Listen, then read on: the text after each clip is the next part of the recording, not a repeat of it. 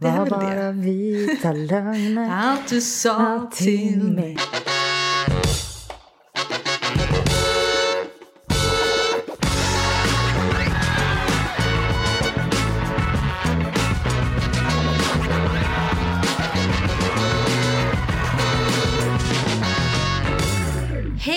och välkomna till Gott Folk, en podd där jag, Hanna, sätter våra svenska profiler i moraliska dilemman. Hur väljer de när inget av valen är att föredra? Tycker de själva att de är bra personer och vad är egentligen en bra människa? Veckans gäst är programledaren och medieprofilen Britta Zackari. Jag och Britta har ju en del gemensamma vänner och chattar ju en del på internet. Mycket om barngrejer nu när jag ska ha barn och sådär. Jag gillar hennes program och jag vill ju väldigt gärna att hon ska tycka om mig. Eh, jag har försökt gjort fint här hemma, vi håller på att bygga om, det ser kanske inte kanon ut. Eh, hon kommer få kaffe i alla fall, och en banan om hon vill ha. Eh, hon känns ju väldigt reko, Britta. Norrländsk och snäll. Och att hon har liksom bra åsikter och att hon som är någon slags nyanserad person. Men eh, det är intressant då att gräva lite i hennes mörkare sidor. Hur ser de ut? Nu är hon på väg hit. Från gården till en lägenhet i stan. Va? Ja, hon kommer nu. Hej!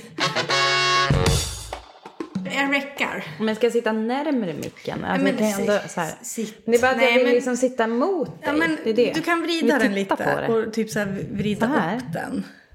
Kan, så kan Ja, du liksom göra så här med lite. den. Ja. Eh, jag kanske ska säga hej och välkommen hit Britta Zackari. Ja. Har du lyssnat på den här podden någon Mm. gång? Din man har ju varit med. Ja. Jag och min kille har ju kollat på ert underbara program. Det borde ju ni göra, ni som lyssnar på det här också. Det är många som har tittat på Hjälp vi har köpt en bondgård. Hjälp vi har en bondgård. Mm. Alltså, jag har sagt fel om den där titeln i typ något sammanhang så jag vågar inte säga. Hjälp, vi har köpt en bondgård. Ja. Mm. Eh, och, och det är ju, för att vi, jag och Anton försöker ju också eh, gå åt det hållet. Alltså min Mm. dröm är att jag ska få bo bo på en gård. Eftersom att jag är uppvuxen på en gård. Eh, Antons dröm är kanske inte riktigt det. Hur är Eh, Anton uppvuxen? Han är uppvuxen i lägenhet och ett torp liksom. Ja, men då har han ändå torpbenet. Exakt. Ja. Så han gillar ju det. Men han gillar ju miljöbytet. Och jag gillar ju att typ leva i en årstid hela tiden. Eller följa liksom naturen. Förstår du? Men hur pass gård är, är det där du är uppvuxen? Ja, det är ju en, ett skogsbruk. Ja. Så att det är, Är det, finns det djur? Ja, alltså jag är uppvuxen med får och höns. Ja. Men jag skulle inte kunna ta alltså det är det här, Problemet är att Anton skulle få ta allt ansvar. Men vi ska inte prata om, om det. Men jag tänkte bara att det var kul för att jag såg när ni målade. Jag spelade, spelade också om den scenen för Anton. För jag tänkte, gud det här är ju verkligen jag.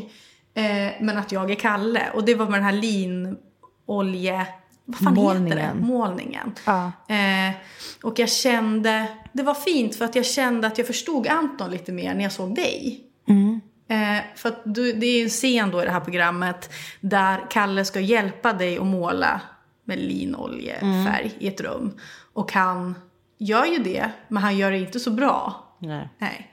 För att han stressar väl, eller liksom orkar inte. Eller, Fort och fel Ja. är ju hans diagnos. eh, och det, så är det ju med allting som vi gör här hemma. Ja, okej. Eh, Du och är det- den snabba. Du vill att det ska bli Ja. klart. Inte nödvändigtvis att det ska bli det finaste. Exakt, och Anton är ju väldigt noggrann. Och jag tycker att han är liksom dum mot mig då. När jag liksom försökt hjälpa till Ja.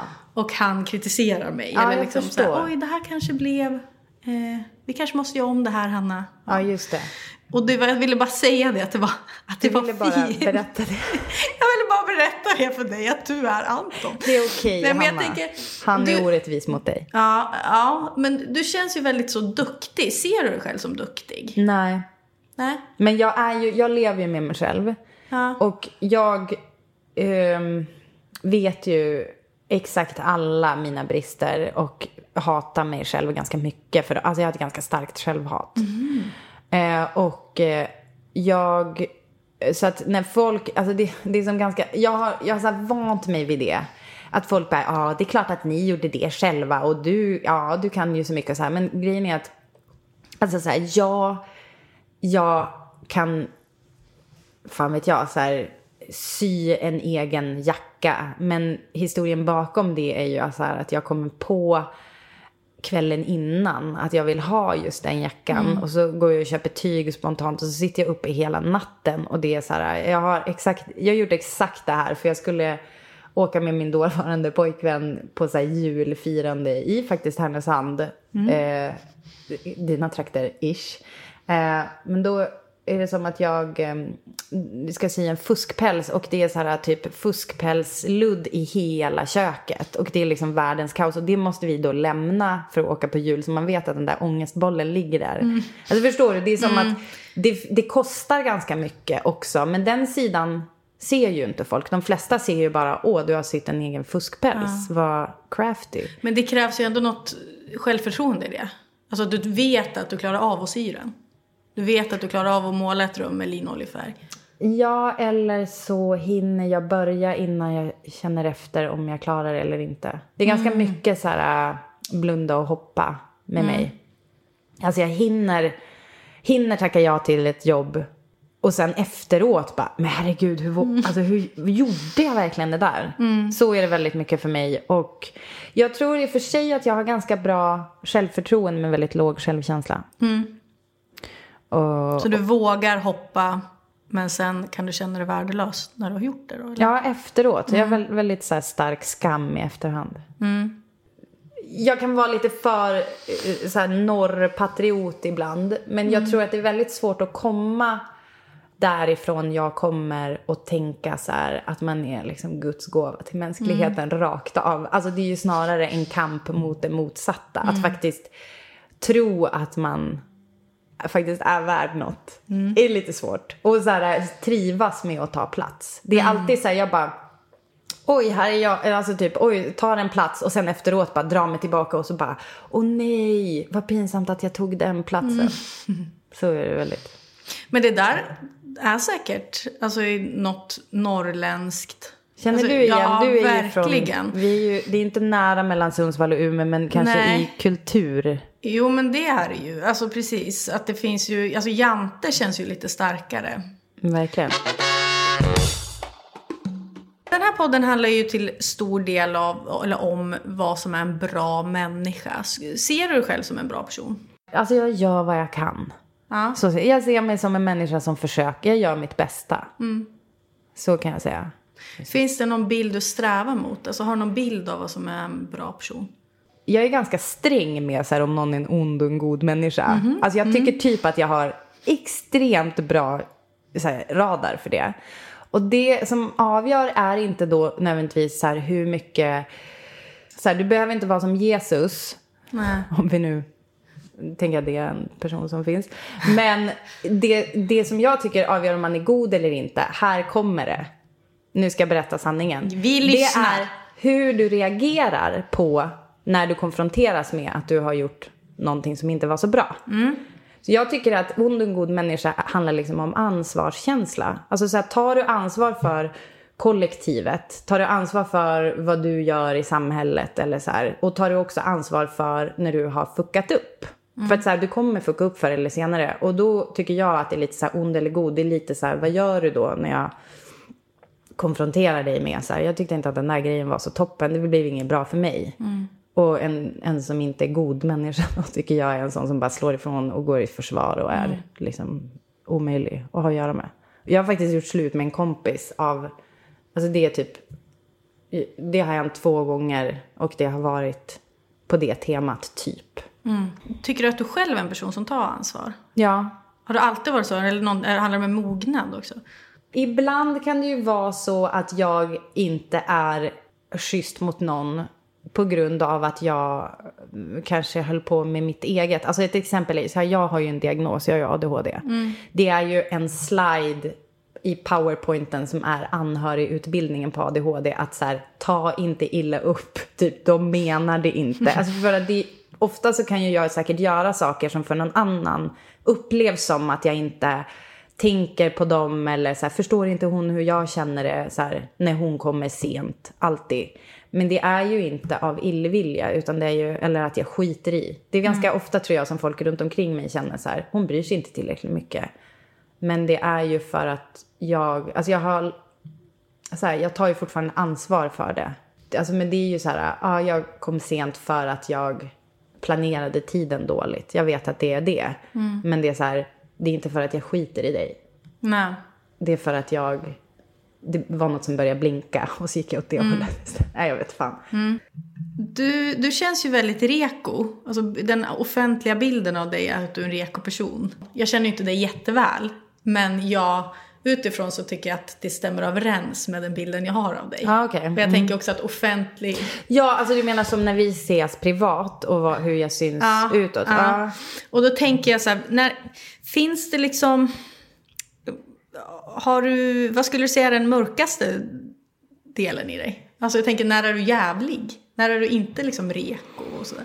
Ibland kan jag tycka att det är väldigt kul att eh, skämta på andras bekostnad.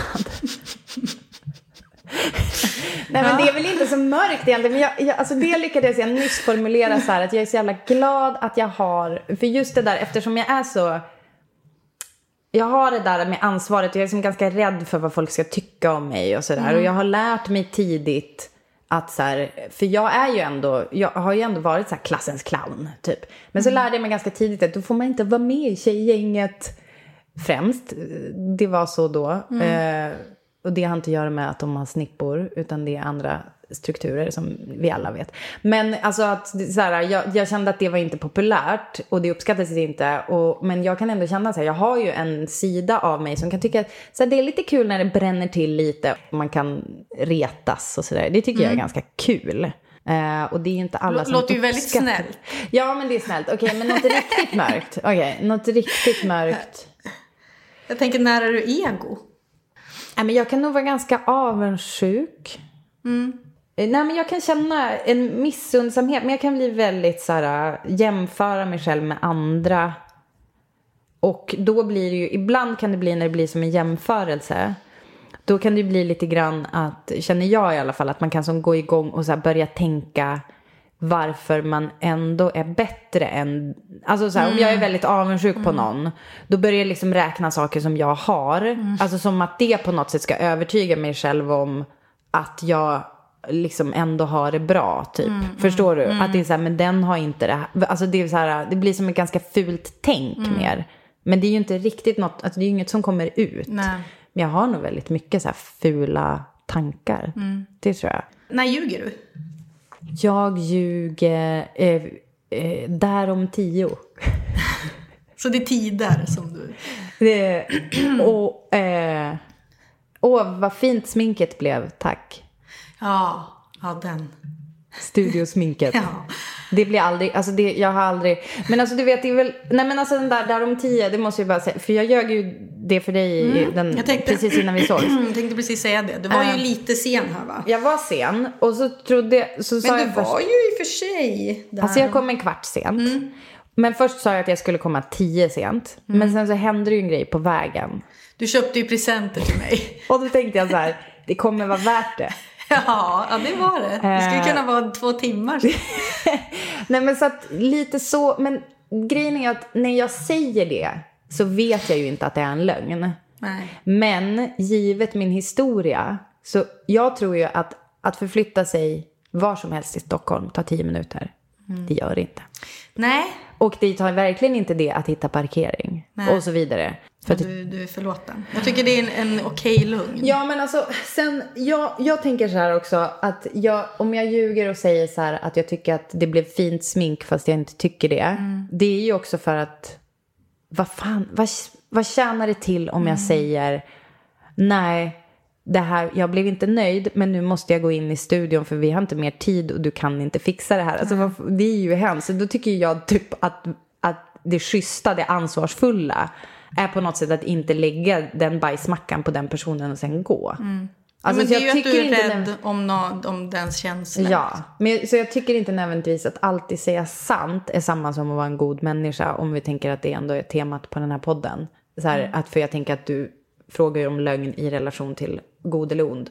Men jag har också varit i en relation där min partner lite så här haha kul så här i efterhand men konstant ljög om små, alltså skitsaker. Som var så här, köpte du mjölk? Han bara, nej, de hade stängt. Och så bara, fast klockan är sju och de är öppet till 22. Åh, nej, de hade stängt, de skulle inventering. Man bara, nej, nej, det här är inte sant. Varför? Alltså, va, Ja, det här, är obehagligt. Det är ju, det är ju, det är ju ett väldigt konstigt beteende. Ja. Så att eh, jag tycker inte att lögner är nice. Men Nej. alltså så slentrianljuga tycker jag. Men att, men att är lite så här vita lögner i förhållande till andras känslor och... Det är Var väl bara det. vita lögner Allt du sa till mig. Är du bra på att förlåta? Nej. Nej. Nej, det är jag typ inte. Eh, om Kalle har gjort någonting som jag inte gillar Ja. och han ska be om ursäkt, då är det ganska noga exakt hur han ber om ursäkt. Alltså det räcker inte med, det värsta jag vet är så här, ja förlåt då. För det, så här, det är ingen fucking ursäkt. Det är det ju inte, det hör man ju. man ju Bara för att du säger ordet betyder inte det. Men du, det ska gärna vara så här att du ska berätta för mig att du har insett. Alltså hur du har kommit fram till slutsatsen. Att du behöver be om ursäkt. Men hur är du själv då? Alltså är du bra på att be om ursäkt? Ja. Jag lärde mig det. Alltså jag tvingade mig själv faktiskt i, ehm, nej men, i min första så här, relation där, där vi bodde ihop. Det lärde mig att tvinga mig själv att se från hans sida. Och sen liksom så här, ah, okej jag kan förstå det här och det här händer hos dig. Typ förlåt för att jag gör det. Alltså ja, ta mitt ansvar. Vi ska gå in i någonting som heter moralsnabbisen. Jag kommer ställa då korta frågor och du får svara hur långt du vill. Ja. Äter du kött? Ja, men det här är ju en brännande fråga för mig och Kalle Ja. i det liv vi lever nu. Jag kan bli riktigt förbannad när jag tänker på det här. För att jag, jag kommer från Umeå. Vi, jag var lite för liten, men det var ju den här veganrörelsen när folk satte eld på korvkiosker och så vidare. Så jag var vegetarian från att jag var 12 tills att jag träffade Kalle. Så att jag är helt för att inte äta kött. Jag tycker liksom att det är helt orimligt vilken köttkonsum... Ett poddtips från Podplay. I fallen jag aldrig glömmer djupdyker Hasse Aro i arbetet bakom några av Sveriges mest uppseendeväckande brottsutredningar. Går vi in med hemlig telefonavlyssning och, och då upplever vi att vi får en total förändring av hans beteende. Vad är det som händer nu? Vem är det som läcker? Och så säger han att jag är kriminell, jag har varit kriminell i hela mitt liv men att mörda ett barn, där går min gräns. Nya säsongen av Fallen jag aldrig glömmer på Podplay. från vissa har. Jag tror att jag, jag, jag blir liksom förvånad över hur lite folk reflekterar över vad de stoppar i sig. F- Nu är det ju typ trendigt att vara så här vegan eller vegetarian för klimatets skull. Vilket är så här, vad fan var ni för grisarna som är liksom instängda i så här miniutrymmen och så här. Det- Jag tycker att det är helt vansinnigt. Att folk så här, nej, för det är ju en e- helt egoistisk grej då. Att det är så här för klimatet, för att du ska typ kunna leva i eh, att det fortfarande går att andas. Men, men du brydde dig inte när det var för djurens skull. Det kan jag bli faktiskt riktigt jävla pissed av. En diskussion som jag väldigt ofta hade när jag var liten och var vegetarian var så här att folk bara, oh, jag vill inte tänka på vad det är jag äter i min korv. Och det är ju, det tycker jag att det, det är klart, det är bara de som vågar tänka på vad det är som är i som ska få äta kött. Tycker jag. Alltså rakt av. Man Alltså, skulle kunna nästan man skulle kunna slakta en hane och få äta en kyckling. Ja, Ja. jag tycker det. Och alltså, sen förstår jag att alla inte har möjlighet att ha höns som vi och det är väl fine. Men däremot så fattar jag liksom inte varför folk köper så här eh, korv på extrapris. Alltså vad fan är det för? Där, där kan jag faktiskt döma och säga att jag tycker inte att det är, det är inte, det är inte ansvarsfullt. Har du klimatångest? N- eh, nej. Nej. Alltså jag känner... eh, Vad skönt. Nej, men jag hade något så här snack nyss i våran podd om det. Att jag bara så här, kul att du kör Greta. Men min, jag är uppvuxen i en otroligt miljömedveten familj. Så min mamma hade liksom tygblöjor på 80-talet och det var jätteäckligt. Jag kommer bara ihåg att det luktade bajs i tvättstugan. Men så att det är ju liksom, jag bara, kul att vi håller på med det här Eh, men jag orkar inte tänka på det. Alltså förstår du, jag vet att det kommer gå åt helvete. Så därför, jag, jag, det är ingen aktiv ångest jag går runt med. Jag, jag väljer att inte tänka på det. Källsorterar ni? Oh ja. Alltså, Kompost och grejer eller? Ja, hela min bil är just nu full med, äh, alltså, jag, alltså Kalle brukar reta mig att jag liksom, jag stoppar den full med återvinning och så sen så kanske jag inte hinner förbi Nej. återvinningen så då åker jag bara runt med massa sopor i bilen. Tycker du att droger ska legaliseras? Jag vet för lite om det här. Har, Alltså, har du knarkat? jag har testat knark. Knark är så kul ord. Ja, det är kul. Det är jättekul. Det är, också, det är jätteroligt. Jag har ju också fått receptbelagt knark för att jag har ADHD. Det är inte knark, knark, men det är typ ett derivat. Liknande substanser? Så. Ja, det, jag skulle ju kunna sälja det på plattan om man säger så. Men ehm, jag, eh, jag vet för lite. Jag, jag anar att det finns en riktigt muggig stämning kring människohandel och utnyttjande som kommer med knarkhandel. Så om man kan ta bort det genom legalisering. Men jag vet inte fan om man kan det. Alltså jag tror att det finns så här, finns det inte siffror från USA att så här, i de stater där de har legaliserat weed, att det typ fortfarande typ är ändå ganska mycket kriminalitet kring det. Jag vet inte. Men jag är inte så här principiellt emot. Jag är för sprututbyte och sånt där. Det, jag tycker inte att man ska helt och hållet vända, vända ryggen mot folk bara för att de håller på med något som är olagligt. Nej. Du kan förstå att det finns ett missbruk som behöver vårdas och så vidare. Ja, alltså inte just att man vårdar själva missbruket. Utan de som håller på med Nej, det, det har, får vård. Ja, Man ska stötta det är missbruk. precis, vård, underhålla det. Är kvotering bra tycker du? Jag tror att jag, jag tror att jag egentligen är för kvotering.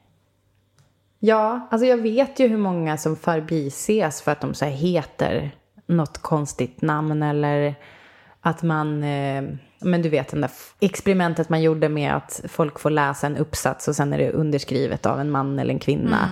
Och då värderar man den högre om det är en man eller om det är, det finns ju sån liknande försök med eh, liksom ett icke-europeiskt klingande namn och så vidare. Jag, jag tycker att eh, jag tycker att det är rätt att se över eh, hur många av varje som det finns på en arbetsplats eller i ett tv-program eller liksom i sammanhang där man befinner sig. Nej, men jag tycker liksom att vi ska göra vad som krävs. Jag tycker, jag tycker det är bra med tvång. Alltså jag, tycker det, jag tror att det funkar bra om folk inte gör av egen fri vilja ser till att det, är en, att det finns repre, representation så tycker jag nog att man kan tvinga dem. Är det okej att köpa sex? Nej. Kolla på mig Har att jag... någon någonsin svarat ja? Ja. Nej. Vem Katrin då? Zytomierska. Jaha, då är jag emot henne. Hur mycket skänker du till välgörenhet varje månad? Jag vet inte. Men jag gjorde, så här gjorde jag, alltså för, det här var länge sedan. Det var när jag jobbade på reklambyrå. Då fick jag ett så här, du vet på deklarationen så står det ju hur mycket som går till kyrkoskatt. Och då tänkte jag så här, jag går ur kyrkan och så skänker jag motsvarande peng till välgörenhet istället. Så då signade jag upp mig på ett gäng. Men sen så gick jag aldrig ur kyrkan. Och det är jag glad för, för sen kom flyktingkrisen 2015 och då kände jag att kyrkan, även om jag själv inte är troende per se, så tycker jag ändå att kyrkan i vissa fall kan, i, i de fall, alltså där det är och det roliga, nu när jag tänker på det så bara, kommer det här från Tre Kronor? Kommer du ihåg den?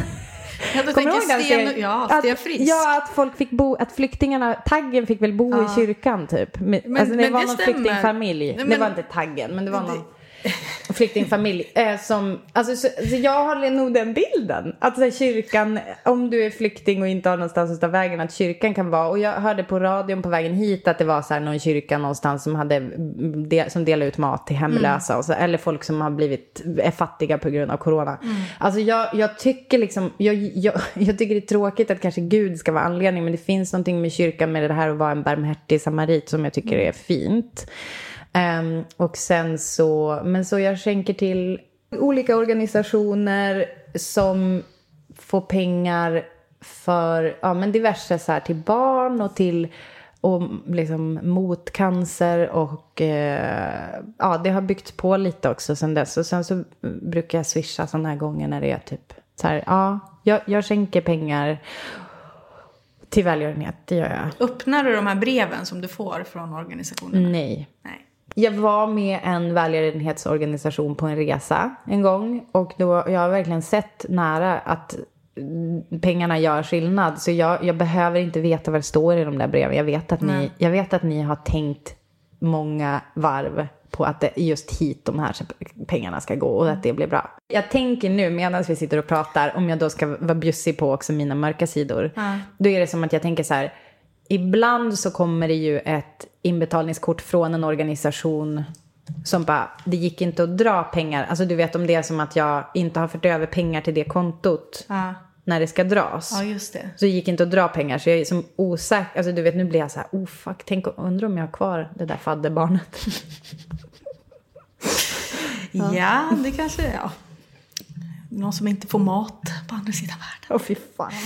Eh, För att jag är så jävla slarvig. Usch vad hemskt. Svenska bortlag, är det någonting du tycker är bra? Eh, jag, jag, vet inte exakt vad den innebär men hittills verkar det ju... Jag tror att jag är nöjd med hur vi har ordnat det. Mm. Mm. Tycker, hur tycker du att... Um, det finns ju sådana test man gör ofta nu, sådana här kub och NIPT och sånt. Ja. Där man kan kolla ifall det är något fel på barnet. Ja. Alltså, vad tycker du om att, att abortera av den typen av... Alltså det, det där är ju väl, det är en rekordsvår fråga. Mm. Och det har ju... Det har, för mig har det hamnat i lite annat ljus eftersom en som jag känner fick ett barn med Downs syndrom nu. Sanna Sundqvist heter hon. Mm, hon uh, pratar väldigt... Jag följer henne på Instagram. Ja, hon har ju börjat prata jättemycket ja. om det och det visar sig vara väldigt bra. För mm, hon mm. är så bra på att göra det. Hon är så jävla klok och vettig. Och det har ju såklart för mig satt ljus på ja men så här, är det då att hennes barn inte skulle få finnas? Mm. Förstår du? Det blir mm. som jävligt svårt att prata om det. Och, men framför allt en sak som jag fick fatt i är också om jag tänker så här, om jag tittar på Björn, alltså min bebis nu mm. som är nio mm. månader. Jag tänker så här, om han hade någon mm. funktionsvariation, mm. skulle jag då inte vilja ha honom? Det, skulle, alltså, det spelar ingen roll alls. Nej. Alltså jag har ju gjort de här kubbtesterna. Jag har inte gjort NIPT. Nej jag vet inte vad jag skulle ha gjort med kubbtestet om det hade, om det hade varit, visat sig en väldigt hög sannolikhet. Det där är intressant för att det där är ju någonting som folk nu för tiden gör. Ja. Nästan alla gör ju sånt ja. test. Det, man måste på något sätt blir det ju viktigt då att fundera kring sådana här frågor. Vem, alltså är jag, är vi, kan vi ta hand om en, en bebis och ett barn och ett liv ja. som kommer kräva så här, jag har en brorsa som har CP-skada till exempel. Ah, okay. Så att jag vet ju liksom hur... Ja, men det kan ju vara jättekrävande såklart. Ah. Och det... Jag vet inte, jag tycker det är en väldigt, väldigt svår moralisk fråga. Precis som du säger. Du skulle ju inte älska Björn mindre Nej. såklart. Det är verkligen... Det är både och. Jag tror precis som du säger att... Och sen framför allt så är det ju det att många med Downs syndrom har ju andra, alltså typ hjärtfel och mm. sådär. Så att det kan ju vara svårt om man inte känna att man pallar att ens barn kanske dör mm. innan en själv och sådär. Jag vet inte. Men... Precis, det är allt sånt som står också emot någon slags större fråga kanske. Som är så här, ska vi leva i en värld där alla är lika och Precis. välfungerande och ja. liksom normal? Normalstörda. Mm. Ja, men sen så, det är ju också, jag vet inte, jag tycker ju också att, att få barn är ju den största upplevelsen jag har varit med om och den är väl den, den är ju lika stor även om ditt barn har en funktionsvariation. Mm. Alltså kanske, ja jag vet inte fan. Nej det är jättesvårt. Mm. Från det här till... Har du gjort botox? Nej, men jag önskar att jag typ hade gjort botox. Ja. Alltså Varför jag, det? Nej, därför att jag, när jag tittar på våra tv-program så tänker jag så här, fy fan. Sluta. Nej men alltså jag vill inte så här, jag, jag har inte, inte gjort botox för att jag är en god människa om vi säger, alltså jag har, inte, jag har inte, jag är inte över det. Utan det är mer typ, om jag visste att det skulle bli bra. Har du gjort botox? Mm. Inte nu på väldigt länge, men jag gjorde ju min sån här mittenrynkan. Ja, har du en? Men, och, Nu kan jag inte göra det för att jag är gravid, men... ja just det, men har du effekten kvar Nej. från den? Nej. Så vad då? det jag tittar på nu är hur det var innan Det här botox. är mitt vanliga ansikte. Men den syns ju bara när du gör det. Ja, men det är också Så varför jag... gjorde du botox? Jo, men för att den... Den ska aldrig synas. Det ska inte synas att du rör ansiktet. Nej, men den, man kan ju jobba bort rynkor. Så jag tror att, varför, att jag, hade, jag gjorde ju botox ett år. Jaha. Så att då, ifall jag inte hade gjort det så kanske den hade varit där hela tiden. Men... ehm, Men alltså jag, alltså jag, jag och Parisa hade en, liksom en jättehetsk diskussion om det här med liksom skönhetsingrepp och sånt där. det har hon och i jag också podden. haft en gång. Ja, som Vi, hennes ståndpunkt är ju då att på något sätt att vi så här höjer kraven för hur en person ska vara. Och se, alltså se ut. Och att det då blir liksom ett ouppnåeligt ideal och så vidare. Så här. Vi vet ju att det är typ patriarkatets fel att vi har så här krav på oss att vara snygga och så vidare. Ska man då döma någon som spelar in i det? Alltså då ska vi inte få sminka oss heller. Alltså smink är ju också ljug. Smink är ju också att säga så här, så här woke up like this. Man bara, nej det gjorde du inte. Så är då botox det som puttar oss över gränsen. Jag tycker, inte, alltså, jag tycker så här, det vore väl härligare om vi fick se lite mer olika. Absolut. Kul om vi fick se någon på tv lite oftare som är ful eller så här, alltså som är rakt av inte normsnygg och så vidare. Eller jä- en, en nyhetsuppläsare. Det är så sjukt att alla nyhetsuppläsare, de har jättemycket smink. Alltså alla kvinnor. Alltså, de sitter, alltså när man träffar dem i sminket, man bara my god. Och så inser man, fan de har så mycket smink när de sitter och läser nyheterna. Och Också, det... tänker man ju mycket på med Nyhetsmorgon också. Att det må, de måste ju kliva upp så mycket tidigare än sina manliga kollegor. För som tar ju sån tid. Ah, fy fan. Usch. Ah, gud ja. Men det är ju också, det är ju typ heaven on earth, deras sminkrum, vill jag bara säga. Ja. Har du inte varit i TV4-sminket? Nej, jag tror, eller jo, nej inte TV4, nej. Åh herregud. Det är ett väldigt trevligt ställe. Så jag skulle gladeligen sitta där och ta en nap eh, medan jag blir sminkad. Nej men jag tycker, jag tycker liksom att det finns ljug överallt. Jag tycker inte nödvändigtvis att så här in, ingrepp så är det värsta. Det är ju bara ett av flera symptom. Har du varit otrogen? Ja. Har du blivit bedragen? Ja. Vad tyckte du var värst? Vad är det som låter? Ja, det är min kyl. Jaha. Förlåt lyssnarna. Tråkigt för Den fiser. Liksom. Um, alltså så här, såklart att det sög svinhårt att bli bedragen. Och det var också så här att jag bara hade en känsla och frågade typ. Och så bara nej gud såklart. Och så säger man nej gud vad dum jag är. Mm. Alltså verkligen säga jag bara ha typ brushed it off typ. Och sen så visade det sig att det var alltså typ alltså så långt efter att det var som jag trodde. Och det, det var väldigt jobbigt för att jag hade en um, ganska svår, jag har haft ganska svårt överhuvudtaget så här, typ tro att någon vill vara ihop med mig. Alltså just, jag blev ganska jag, jag hade en väldigt dålig erfarenhet av kärlek från början. Liksom, för att det var, jag var jättekär i en kille som gick i min klass och så blev han ihop med en annan tjej så här, typ framför ögonen på mig. Vilket var jätte, alltså verkligen så här, jag var helt säker på att han var kär i mig. Och så blev han ändå ihop med typ så här populära tjejen i klass. Alltså det var bara så här, vad fan liksom. Eh, och från det så har jag nog alltid Alltså det här har ju kommit på senare. Det är ju ingenting jag aktivt går runt med. Men jag tror att jag blev liksom wired på det sättet. Att jag tänker att det alltid, kom, det alltid finns någon annan som kan ta mitt framför ögonen och jag har ingen aning. Eh, ett tag. Jag menar såklart att killen väljer fel tjej. Eh, Och mm, så det är liksom jobbigt. Men det som var hemskt med att vara otrogen var ju att jag... Jag tyckte att det var riktigt vidrigt att fucka med någons magkänsla. För det var, ju var samma sak. Att han bara, liksom, är det något skumt med det här? Och jag bara, nej, nej, nej, typ. Och det, alltså att verkligen så här, Alltså jag kände, jag mådde så illa över mig själv. Och vilken person jag var. Och jag tror faktiskt att det var snäppet värre. Att så här, jag är en vidrig människa. Det, var, det var jobbigare att leva med än att, att eh, någon var otrogen mot mig. Jag tänker ifall... eh, Bedragen är för övrigt ett väldigt så Ja, det, 90-talsord. det känns, jag tycker det känns som så här Zorro. Bara, åh. Ja, men, men eh, jag tänker om du då hade en magkänsla och sen visade den sig vara sann och någon jag liksom för dig. Jag Hur, gör mig rakt upp i ansiktet. hur, hur eh, alltså, har det varit problem i kommande relationer? Alltså relationer efter? Att du Ja. har varit svartsjuk eller liksom? Ja. Ja.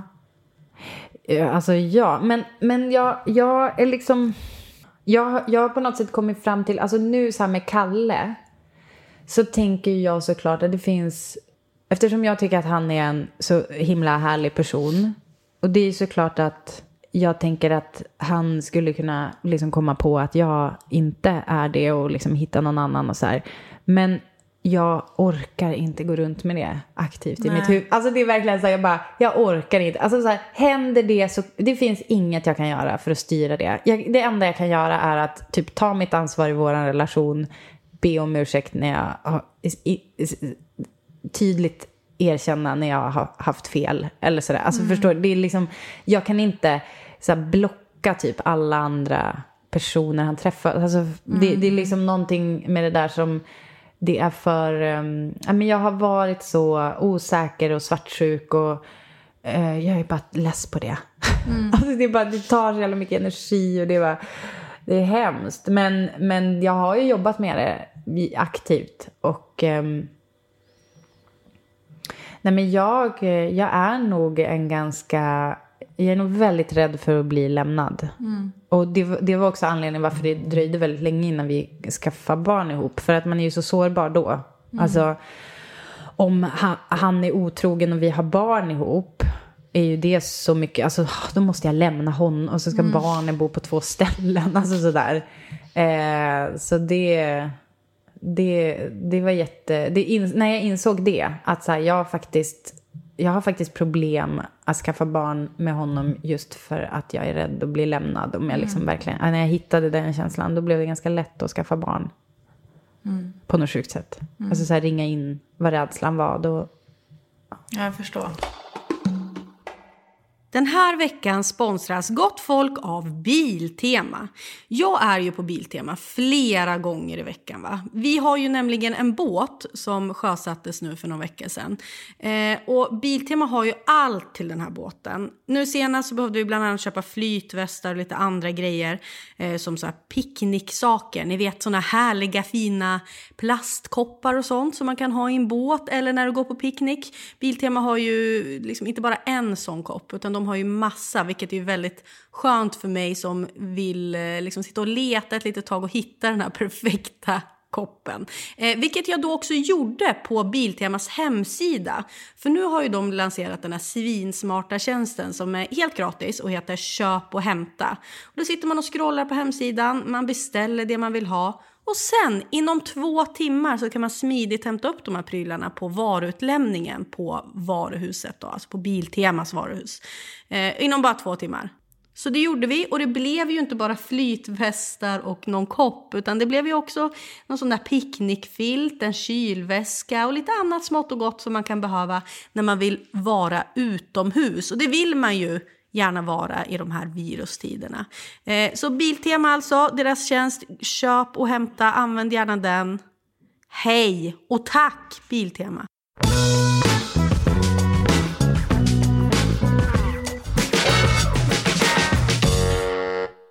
Jag har eh, en rubrik som heter Vad sa du, sa du? Eh, och där jag har researchat dig och hittat grejer du har sagt. jag är så Eh, stressad. Bland annat så är en intervju i Mama 2017. Där, med rubriken Barnmorskan sa att hon aldrig hade känt sig så överflödig. Citat Britta Zackari. Och, och eh, citatet Det var det underbaraste ögonblicket i hela mitt liv. Och det Ja. var alltså förlossningen med Essa då. Ja. Eh, det här för mig som ska föda känns ju skönt att höra på ett sätt. Fast också piss. Fast också eh, piss för att jag känner att jag liksom kanske borde prestera i den här Jag födseln. vet, men det kände du, du måste väl ändå, det kände du väl ändå innan du läste det där också? Alltså har vi inte, jag, jag tycker, för jag menar jag gick ju in i det och tänkte att jag skulle prestera och då hade inte jag läst någon jävla intervju med Britta Zackari i Mamma. Så det kan inte vara jag som har uppfunnit det. Men jag, alltså jag förstår, det är ju så här när jag pratar om min första obs förlossning, för den andra var en annan historia, men för, när jag pratar om min första förlossning så är det ju väldigt dubbelt för att vissa, nu går jag in och för, försvarar det här direkt bara. Så här är det att eh, jag kände att folk har ju lyssnat på, jag har pratat om det här i poddar och liksom också i intervjuer och så. Och så blir folk peppade. Så här, yes, jag kan också ha det. Och så blir de lite besvikna om, i de fall där det inte blev bra. För att så här, men då tycker jag ändå att det är bra att man går in i det med positiv känsla. Och det är jättemånga som mejlar mig fortfarande. Att så här, tack för, jag kände mig så stärkt och jag fick en jättefin förlossning och typ jag vågade föda vaginalt. Alltså typ, och då känner jag så här, om det är typ, om det bara hade varit typ två pers som kände så. Så hade det varit nog för mig. Alltså jag, för, För det var vi- en väldigt positiv upplevelse ska vi det var säga. väldigt Ja. positiv första gången. Andra gången var inte lika positiv. För vi fick inte plats och bla bla bla. Ja, ja. Så jag kände ju efter min förlossning med Essa att det fanns en sån diskrepans i... ehm, om man tittar statistiskt så är det ju de flesta förlossningar går ju bra. Men man hör oftast om trafikolyckorna typ. Exakt. Och det, då kände jag att ja, men då kan väl jag ta på mig, ta det här ansvaret och säga att det faktiskt var bra. Och det är ju också pinigt för att det är något, det här norrländska inom mig som bara, ja vad fan och så ska jag komma där och bara, det gick jättebra och liksom jag sprack inget. Det gjorde jag, obs. Men eh, att, eh, fast det är hemskt att vi säger sprack, det låter så ont och äckligt. Alltså, men eh, det, ja, ja, alltså jag tyckte så här, folk förtjänar att få höra att så här, det kan faktiskt också gå bra. Och jag tycker ju som ska gå in i förlossning. Ja. Jag tycker att det var, skönt att läsa den här intervjun också. Ja, bra. Men jag ville ta upp den också för att just den här rubriken, barnmorskan sa att hon aldrig hade känt sig så överflödig. Men hon, det roliga med det, det är att hon var ju också sur över det. Ja. Alltså det var som en ganska kul person för att hon var så här, ja, ja, nej. Uppenbarligen inte. Här var man inte behövd. Alltså, så att i sammanhanget var det ju kul men det blir ju, alltså, det blir ju jättejobbigt citat. Nu är det dags för moraliska dilemman då. Åh. Fantasidilemman. Det här är kul. Nu ser jag på dig att det blir kul. Du och Kalle är på parmiddag med ett nytt grannpar ni lärt känna. Mhm. Era barn är ungefär samma ålder och de leker väldigt bra. Mm. Under middagen är det här nya kompisparets unge otroligt vresig. Femåringen vill inte äta, han vill inte sitta och vill inte stå, vill inte ligga, vill inte göra någonting, skriker. Efter ungefär tio minuter tar pappan hårt tag i barnet och skriker med hög röst att nu är det nog! Barnet blir tydligt rädd och pappan bär iväg honom hårt i armen och slänger in honom i sovrummet. Middagen fortsätter. Säger du något? Ja, hundra procent. Alltså jag, blir jag börjar nästan gråta när du säger det. Är det sant? Ja, jag klarar inte av det. Nej men gud! Nej, men jag klarar inte av folk som är dumma mot barn. Och, men det som är hemskt med det. Alltså jag har sagt åt en farmor på förskolan. Som sa till alltså sitt liksom barnbarn. Gud vad dum du är. Och så sa jag, alltså, och det var, det var så här. Essa var med. Så jag, jag kände bara så här, jag säger inte direkt, alltså jag, men jag får sån här äcklig känsla i magen. Så jag bara, jag tycker inte att, jag tycker inte att du ska säga till honom att han är dum. Ehm, och eh, det slutade faktiskt med att hon, nej men hon var så här, ja nej det kanske inte var så smidigt men alltså sådär så. Men nej usch jag tycker barn, alltså, jag, men det som är hemskt med det där är ju då att då vet man ju att den där föräldern säkert har samma beteende. Jag kommer inte ändra någons beteende för alltid genom att säga sådär. Eh, men, Men vad ja, du alltså tycker jag han, vad, lätt... vad är själva övergreppet? Är att han, är liksom att han skriker liksom till barnet och att han tar Du hårt sa tar hårt Ja. Mm. och sen slänger in i rummet och då är barnet ensamt där och kä- ehm, all alltså separationskänslor och ångest och så är barnet Mm. ensamt med sin ångest. Och sen så... ehm, men det som är bra är också att jag vet att Kalle skulle också säga och så skulle vi nog gå därifrån. Eller gå in och trösta barnet tror jag skulle göra faktiskt. Om jag ska vara helt ärlig. Jag tror att jag skulle gå efter och typ kolla hur ungen hade det. Nya underklädesföretaget Bras for Babes hör av sig till dig och vill att du ska bli deras profil i lanseringen. Ja. Det är ett väldigt feministiskt märke, säger de. Och marknadspersonen ger exempel på hur du ska stå bredbent och spänna musklerna i reklamen. Du inser snabbt att det här låter ju väldigt pajigt. Men du tänker ändå att folket kommer nog svälja det här ändå ganska bra. Eh, ersättningen är 500 000 plus moms på faktura och bilderna i rullning i ungefär två månader. Tackar du ja? Nej.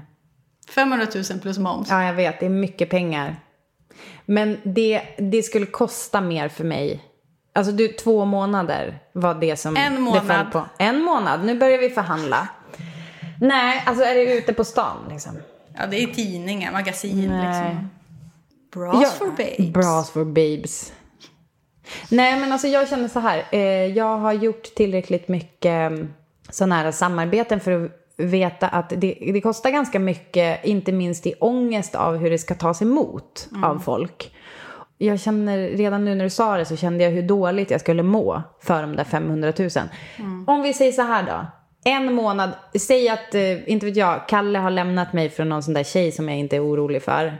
Eh, och jag måste försörja mina barn. Absolut 100% gör det. Men som läget Om det är nu. min enda inkomst liksom. Men inte i dagens. Har du sura uppstötningar för att du har barn? Har du, vet du bikarbonat? Ja, men jag tar massa marin och sånt där. Ja. Bikarbonat tycker jag är det bästa. Alltså det är som så jävla enkel. Det är helt sjukt, jag har sån halsbränna. så- Ja, jag vet, men jag alltså, jag lider med dig. Men tar du järntillskott? Ja. Det gör det värre. Jag tar dubbla till och med. När du har lite hård i magen? Nej, du skiter på två dagar. Nej, är det sant? en dag. Åh, herregud. Om ni ville veta. Ja. Ja, okej, så inget Bras for Babes. Nej. Din vän och poddkollega Parisa har de senaste månaderna lagt all sin vakna tid på att skriva en bok. Hon ber dig nu läsa igenom bokmanuset hon litar på ditt omdöme och vill ha ett utlåtande. Nu får du de 200 sidorna i din hand och inser att det här är ju inte bara dåligt, det är totalt värdelöst och så pass oläsligt att det här kommer ju skada Parisa om hon släpper den här boken. Är du ärlig med henne? Är det lika dåligt som söder om Folkungagatan? Nej! Jag hörde, Det- det- det- Jag, hörde den, jag hörde den passningen i tidigare podd. Nej men alltså... Eh, Vad du var inblandad i den? Ja, jag skrev den. Jag trodde du visste det. Alltså jag, men, men det här är ju en hel... Får du skam? Vänta nu här. Skäms du nu? Du Nej, skrev- Alltså, jag och okej, Kalle, förlåt. men det, grejen är att så här, jag tar åt mig typ 20 procent. För att jag vet att det blev dåligt och det var, alltså jag har en person att skylla på. Så att jag, jag tar typ in, alltså det vet jag så här, Jag skäms nu här Ja, men jag känns, tror jag känns, det är, jag som, det är mitt namn som står där. Jag Det visste att. Kalle hade någonting med det att göra så jag var lite nervös att du skulle... Men du, okej. Ja, alltså, eh, det, här, det här är... Eh, det här är sämre. Det här är riktigt illa. Men ja, alltså så här. Det här är en bok ju, det här är ingen serie. Och Hon har jobbat, men den är klar. Det jag finns inte säga utrymme. till, till, till eh, Brittas försvar, jag skrev också en tv-serie, den fick inte ens komma igenom. Så då, så dålig var den. Nej men alltså jag känner så här. ehm, alltså är den, är den klappad och klar? Är den, är den liksom... Ja, hon, har ju, det är liksom, hon har ju en redaktör som hjälper henne lite. Ja. Jag skulle nog göra, jag skulle nog göra en lite så här. eh, Kunna så här, finns det något som går att ändra? Alltså typ lite så här. Kan du skriva lite mer om den här personen? Eller så här, den här grejen vill jag veta mer om eller någonting sånt där. Är den rakt av en katastrof, då tror inte jag att jag skulle säga, utan bara så här, toppen, kör på. Jag kan ju inte coacha henne och skriva en helt ny bok. Nej. Alltså det faller mer, inte på, det faller inte på min godhet, utan det faller på liksom orimligheten i att jag ska, eh, liksom, ja nej men alltså jag vet inte, lite tips och tricks. Jag skulle nog hitta någon mesig mellanväg.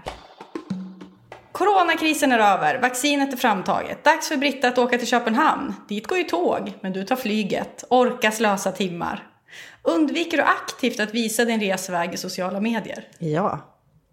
Det här har typ hänt. Men det, men det känns, alltså när du säger det här, det, jag tycker det känns så overkligt att vi alltså har flugit. Alltså det är så, man bara, du vet när man tittar på, men när vi tittar på tv nu och folk så här kramas, ett hej. Man bara, vad gör ni? Men jag har, ja men och du säger ju också aktivt undvikit. Det är ju inte så att jag, att jag tar ett kort vid typ Hovedbanegarden och får folk att tro att jag åkte Nej, tåg. nej, utan det är bara att du, du Det- är plötsligt i Köpenhamn. Ja. du kommer. Mm, nej men det skulle jag, det skulle jag kunna göra.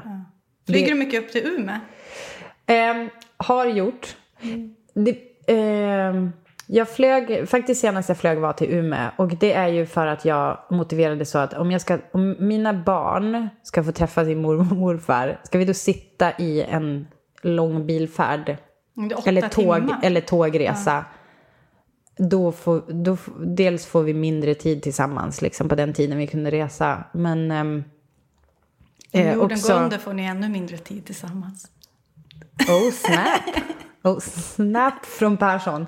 Nej men jag, jag håller med. Alltså det här är ju ändå, alltså vi, vi skulle, jag och mina föräldrar bokat, hade bokat att vi skulle eh, åka tåg till norra Italien nu egentligen, typ nu. Ehm, för att jag, mm, alltså jag, jag är, jag är tåg-curious. Nej men jag vill, jag vill att vi ska åka mer tåg. Men just till Umeå är det fan svårt. Till Sundsvall går det toppen. Men sen är det alltid någon jävla byte eller an- anslutning och så. Det har blivit lättare på sistone. Men det är ganska, och det kostar jättemycket pengar. Men det, jag ska inte försvara det. Jag bara, nu är det så som det är. Jag tar flyg. Jag har tagit fly, flyg. Vi får se hur det blir sen, men förmodligen inte. När de är större, då är det ju, kan det vara roligt att åka tåg. Alltså jag, Det är framförallt Björn. Alltså, hade det varit bara Essa så hade vi åkt tåg. eh, För det är kul. Men Björn, en bebis, alltså, så här, skrikande bebis på tåg, jag kan inte tänka mig något värre. nej, Ja. jag vill bara säga det att det, alltid när jag kör de här dilemmana så låter det som att jag sitter på en väldigt hög häst. Jag också åkt till Köpenhamn med flyg och undvikit då. Alltså jag menar, Ja, ja, ja. ja. Nej, men Jag du tror att det är väldigt jag tror vanligt. Inte att du, jag tror att du, jag tror jättehögt om dig. Så ja, jag tror du sitter på höga hästar. ja. Nej, men jag tror att du är som noga, alltså jag tänker som att du är sträng med andra också. Att så här, men det tycker jag är bra. ja, Bli imponerad av hur ofta du vågar ryta ifrån. mot influencers. Ja, mot influencers på fest till exempel. Ja. Nu kommer eh, antingen eller. Du kanske har kört pest eller kolera, det är samma sak. Ja. Den här tycker jag är bra. Du släpper tokiga dassboken Fäbodjäntan med lättklädda gladporrsaktiga bilder på dig själv i höstackar och bredbent låtsas ridande på ett får. Den släpper jag. Ja. Eller så tvingas du ensam ta livet av ett får på er gård. Ja, det senare. Eftersom om jag ska äta det så... Alltså, och så här. Det, min enda noja kring det, eller liksom det skulle vara vidrigt och hemskt på alla möjliga sätt, men det enda som jag tycker är viktigt, det enda som får mig att tveka är ju att jag är rädd att jag inte skulle kunna döda det på ett värdigt sätt. Alltså förstår du, jag, jag, skulle, jag skulle typ göra jättenoga research på exakt liksom hur jag måste och typ nästan träna så att det inte djuret får lida extra för att jag är en rookie på döda djur. Är du med? Men nej, alltså 100% jättelätt val. Den där var för enkel. Antingen så skriver du en debattartikel i DN där du tar aktivt ställning mot abortlagen. Det är liksom en engångsgrej sådär. Ja. Eller så måste du för resten av ditt liv bo i en stor tvåa här på Södermalm med hela din familj. Oh! Äh, men då tar jag en förlaget och skriver den där artikeln. Men det är ju taskigt mot, alltså det är ju, så, det är ju risigt mot kvinnor. Ja, och folk kommer också bli lite sådär, vad fan håller hon på med? Alltså du kommer ju, din kompis Hakan kommer ju vara rasande liksom. Men då får du säga, jag blev tvingad av Hanna Persson. Ja, men jag tror typ lite, vet du vad jag tror? Det här kanske, nu kanske jag låter som att jag tror för mycket om mig själv, så som jag sa att jag absolut inte gör. Men jag tror att folk skulle fatta. Alltså att jag har gjort tillräckligt, och det här blir jag lite glad över nu när jag tänker på det. Att jag tror att jag ändå har varit tillräckligt högljudd om den typen av grejer. Så jag tror typ att folk skulle inte tänka så här, jaha, är hon emot det? Utan jag tror nog att de bara, det är något som är skumt här. Jag tänker att det skulle kunna vara en vinkel, någonting i stil med att så här, nu sen jag fick, blev tvåbarnsmamma så har jag verkligen förstått vikten av att behålla sina barn. Inga barn ska dödas. Nej, alltså, jag, ty- ja, jag tycker ju inte det. Nej, nej, alltså jag tror, jag skriver den och så skriver jag tillräckligt eh, så här, kraftigt, alltså så, här, så himla starkt för så att folk fattar att det, det, är något lurt. Kanske tar det för ironi. Ja, exakt. Antingen så tvingas du släppa en ljudfil av ett off mic-snack i din och Parisas podd där du dömer ut minst två offentliga bekantas barnuppfostran. Ja. Det är liksom en, det är en ljudupptagning som har skett. Ja. Eller så tvingas du släppa samma typ av off mic-snack men där du på viss, menar att på vissa sätt så har ju Jimmy Åkesson flera poänger. Det här är också någonting som blir rubriker då, att du är lite så SD. Ja. Mm. Så det Nej. är två olika genrer. Ja men det, okej. Är, det, är det det där off mic-snacket om ens kompisars uppfostringsmetoder, är det någonting jag genuint är rotad i? Ja. Ja, men, Men då du tycker väljer jag väldigt det. starkt. Då väljer jag det. Ja, jag vill, ja. Mm, det väljer jag. För då tänker jag så här, det kanske behövs sägas. Antingen så blir din son Björn en riktig soffliggare, en riktig sån slacker. Han vill bara spela tv-spel, kanske raka lite gräs, bryr sig inte om någonting. Eller, Hela livet. Ja, framförallt är det här under liksom fem viktiga såna tonårsår. Ja. Eh, eller så blir han medlem i eh, så här, ungdomsnazistparti. Nordisk frontaktigt. Alltså ha kors och grejer. Mm, men han är medlem där ungefär tre månader. Sen kan han ju gå vidare till något annat på lik... Ja. Så han har något han tror.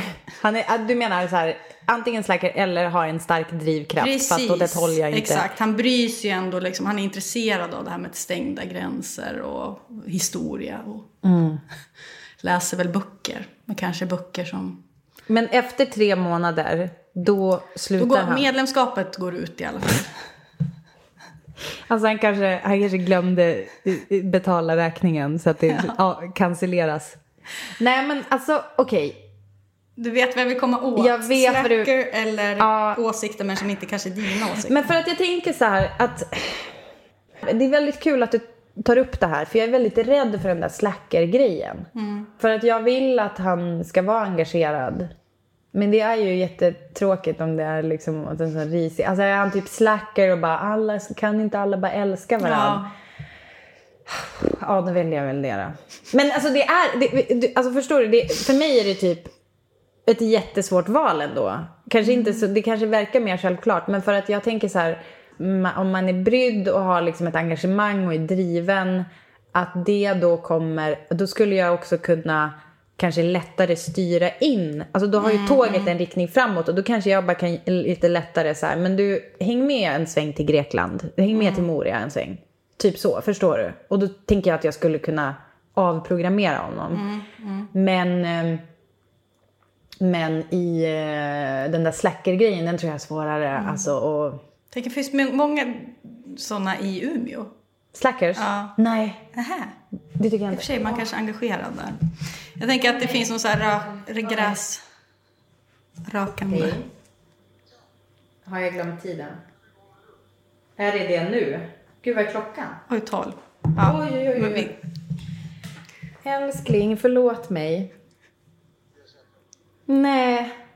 Du visste du att jag skulle... Nu har vi alltså live hur Britta säger förlåt. Du... Jag blir väldigt besviken. Du har rätt att vara det. Jaha, ja, ja, ja, okej. Ja, förlåt. Um, jag är jätteledsen. Jag, jag hade verkligen... Alltså jag, jag, jag, ja, förlåt. Jag kommer så, men om jag kommer snabbt, hjälper det dig då? Eller är det kört? Ja, okej, bra. Då ses vi snart. Ja, puss. Hej. Då säger vi hej då. Det är inte Ja, det lätt med vi. tider. Men var det, är inte mycket den- kvar eller? Nej, det här var sista. Ja, men då så. Ja. Så vi ska säga hej då. Eh, Vi, eh, nu måste du springa. Gud vad tiden gick fort. Ja. Men eh, är det någonting, vad ska du göra nu? Du ska träffa din man. Alltså nu ska jag åka. Har Fan, du vad dåligt samvete nu eller? Ja, nu har jag dåligt samvete. Nej men för att han, jag sa att jag, jag är tillbaka till lunch. Ja, ah, okej. För, och så sen så, så är han, då blev det som att hans, ja du vet, han skulle göra en grej som jag fuckar med nu. Så det är ju jättejobbigt. Så nu kommer jag må dåligt. Men eh, du gjorde mig väldigt glad att du kom hit. Ja men kul. Och med så fina presenter också. Väldigt, väldigt snällt. Eh, om ni vill tycka och tänka någonting kring den här intervjun kan ni slida in på DMs. Jag heter Hanna Pi på Instagram. Britta heter Britta Zackari. Eh, var snälla med det ni alltid. Eh, bra, är det någonting du vill tipsa om? Sista grej? Alltså tipsa, tipsa om vad som helst. Ja. Nej men jag vill ju att folk ska titta på våra tv-program. Hjälp vi har köpt en bondgård. Mycket mysigt. Och så lyssna på min och Parisas podd som heter Britta och Parisa. Bra, tack så hemskt mycket Britta för att du ville komma hit. Men tack för att jag fick komma. Vad kul det var.